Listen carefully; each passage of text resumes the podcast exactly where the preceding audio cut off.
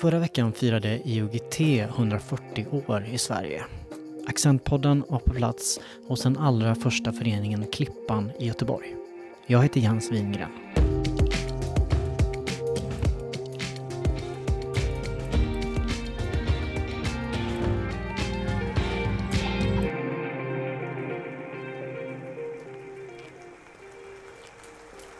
Kvällen den 5 november 1879 strävade några grupper av finklädda mötesbesökare uppför Masthuggsbranterna i Göteborg. Man sökte sig till polisen Hagmans hus i Majornas femte rote, dåvarande Fyrmästargatan 79. Huset som sådant var en oansenlig skapelse, men i andra våningen inrymdes en samlingslokal.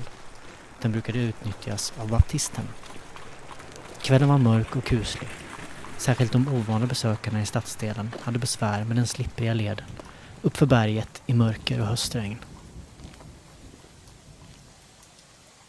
Så inleds De visade vägen, en krönika över IOGTs första hundra år som gavs ut 1979.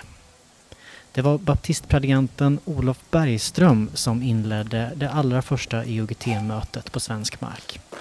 Ritualen som han framförde var en illa anpassad tolkning av en amerikansk förlaga.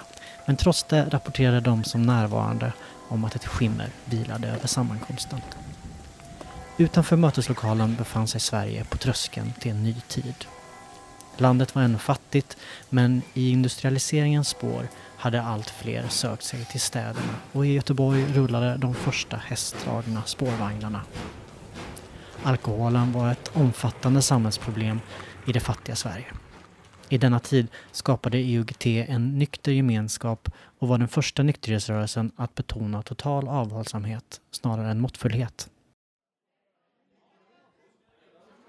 140 år senare har 85 IOGT-NTO-medlemmar samlats på Wendelsberg utanför Göteborg för att fira Klippans årsdag och därmed även IOGTs 140-årsdag i Sverige. Tillfället högtidlighålls genom att ges formen av ett gammalt högtidslogemöte där besökarna sitter finklädda längs med väggarna och med regalier runt halsen.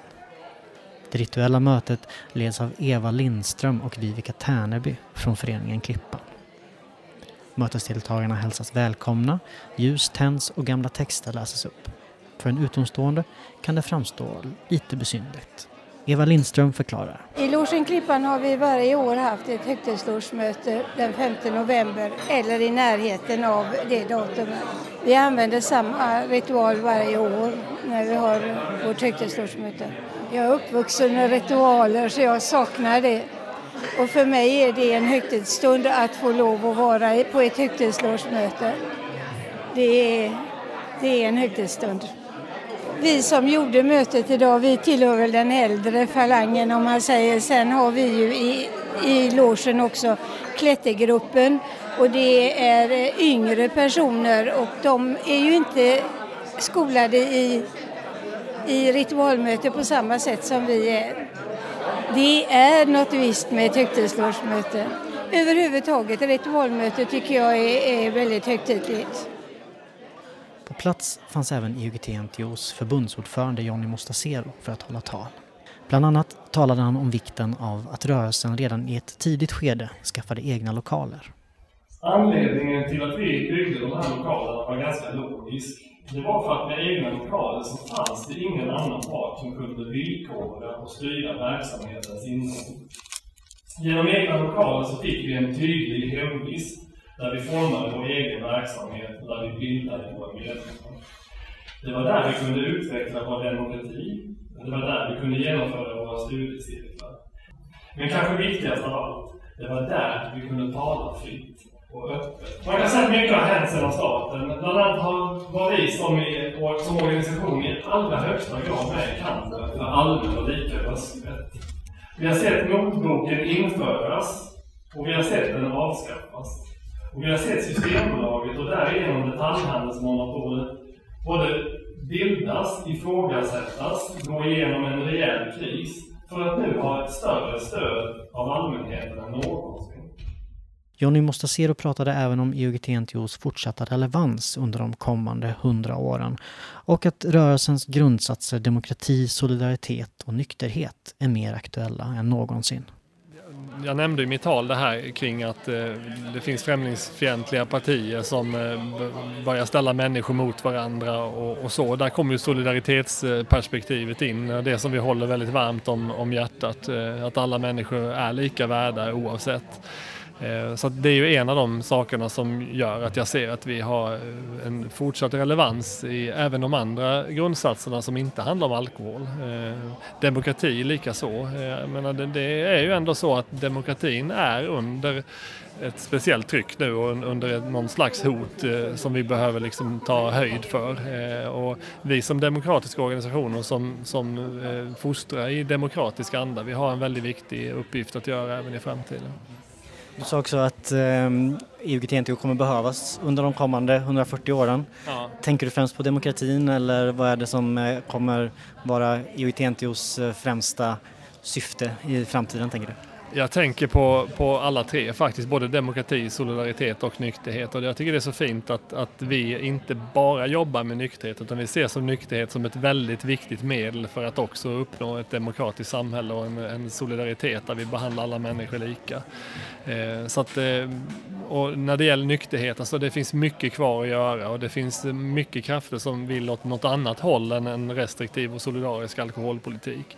Så att, eh, jag tror att vi har mycket kvar att göra. Sen hoppas jag att vi inom kanske min eh, livstid faktiskt kan se att alkoholen behandlas på ett helt annat sätt än, än vad det gör idag. Och jag tror inte att det ligger kanske sådär jättemånga år bort. Eh, för om man tittar på all forskning och fakta som finns kring alkohol så ser man hela tiden hur mycket eh, forskning som visar på konsekvenserna av alkohol som inte vi har sett innan. Till exempel alkoholens koppling till cancer eh, som vi har presenterat i en, en egen rapport eh, där det finns ett väldigt, väldigt starka samband som inte man har sett på samma sätt tidigare.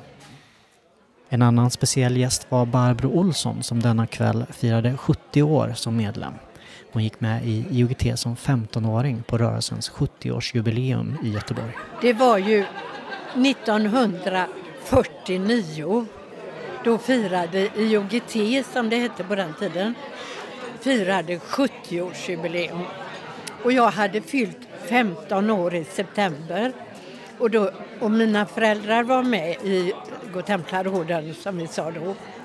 Och eh, då skulle jag gå med också när jag var 15 år. Och då blev det jubileet.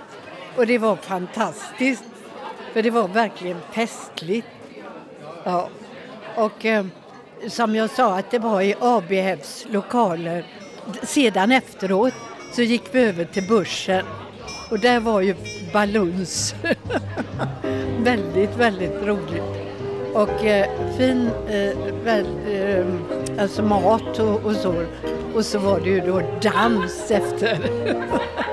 För det har vi ju tyckt om alltid, att dansa. Ja. Vi ville stanna hela natten lång och lyssna till en ljuvlig fågelsång och möta nya dagens soluppgång så börjar livets vår jag, jag har dessutom varit för um, en, en knappt tio år sedan, nej det är nog sju, sju år sedan ungefär, blev jag distriktsordförande här för Västra. Uh, ja, så att, och jag var i fyra år ungefär. Och då, men då sa jag, nu måste ni välja en yngre. jag tyckte jag började bli gammal. Men att det var fantastiskt att liksom få avsluta karriären med att vara ordförande, distriktsordförande. För det var ju ganska mycket faktiskt. Jag har varit med i så mycket styrelser under åren. Och jag, hade, och jag fick ju veteranmedalj för att jag eh, hade jobbat så mycket. Alltså då. Och det är inte alla som får det faktiskt. Det är genom att man har antingen varit ordförande, man har eh, jobbat för en viss sak och lite olika så. Och, och jag hade Eh, jag fick den av Sven-Olof Karlsson, var förbundsordförande då, eh, känner honom.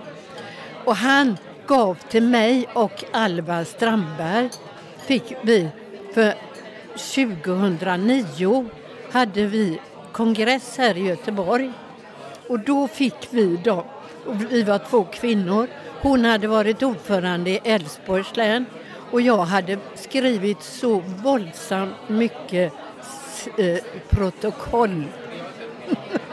så han tyckte att vi skulle uppmärksamma. Ja. Hade du fått vänta då tills du fyllde 15 för att kunna bli medlem? Ja, eftersom man fick just i storlogen som vi kallade det för liksom, det kunde man inte gå in förrän man var 15. Men mina föräldrar var ju med och vi var ju alltid med ändå, alltså innan. Men just det där att bli inskriven som medlem, det var 15-årsstrecket.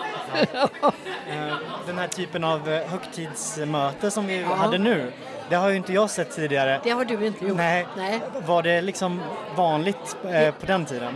Det var väldigt, alltså vi hade ju det kanske inte med ljus och så varje gång men det här med att de läste och, och hälsade välkommen och det var alla möjliga eh, ritualer. Ja.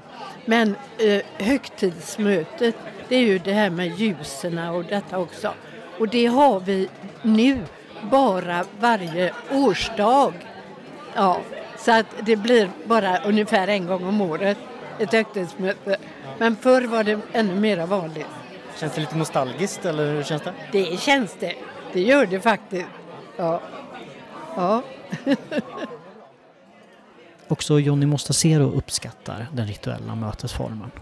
Eh, ja, det är lite svårt att, att, beskriva men, men det här är ju gamla ritualer som man, som man hade och som man följde när man genomförde möten. Och jag, jag tror att det var väldigt mycket för att stärka gemenskapen och samhörigheten och, och, och eh, skapa liksom en, en kamratanda i, i eh, de logerna som, eh, som verkade.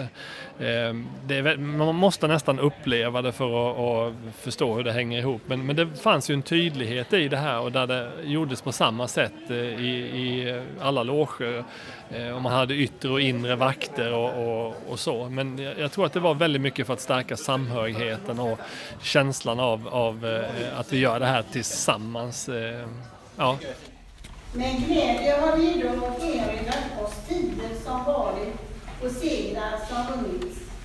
När vi lämnar denna högtidsro väntar oss nya uppgifter vi går dem till mötes utan att frukta vare sig vägens längd eller kampens allvar.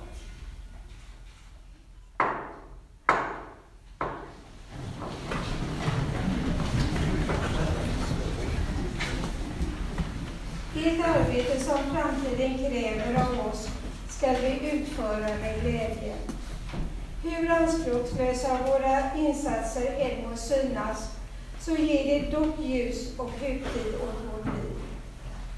Den högtidsstämning som idag behärskar oss kan må hända icke följa oss i morgondagens gärning.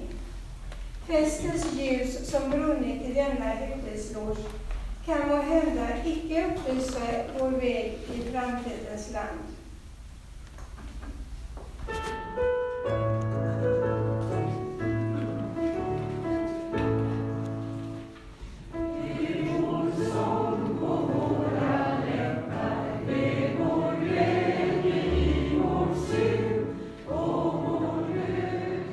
Mötet avslutades med diktläsning och sång. Sen kliver vi ut för att möta de kommande 140 åren.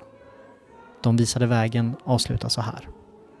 Kanske kan man beträffande de svenska folkrörelserna uttrycka sig så här.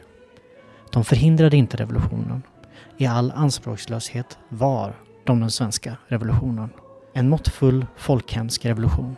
Inte särskilt stor och mäktig som omvälvning om dess styrka mäts i blodutgjutelse men alldeles lagom för våra anspråk och behov. Om själva huvudmålet för nykterhetsrörelsens strävan har vi redan talat. Men också beträffande våra sekundära mål, demokratiseringsarbete och folkuppfostran, kan vi än en gång räcka partierna en hjälpande hand. Ja, detta kommer kanske mer och mer bli en tvingande nödvändighet i ett samhälle där demokratiska grundvärden aldrig är slutgiltigt tryggade utan ständigt hotas och ständigt måste erövras på nytt.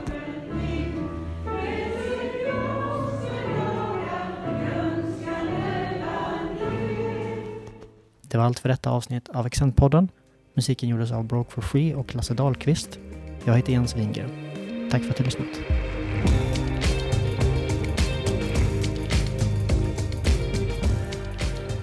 Du har lyssnat på Accentpodden. Accent är Sveriges största tidning om droger och nykterhet och IGT-NTOs medlemstidning. Du får gärna höra av dig till oss och berätta vad du tyckte om den här podden och vad du skulle vara intresserad av att höra mer om i framtiden. Du når oss på accent iugt.se. Du hittar våra senaste nyheter på www.accentmagasin.se eller på Facebook. Tack för att du lyssnat!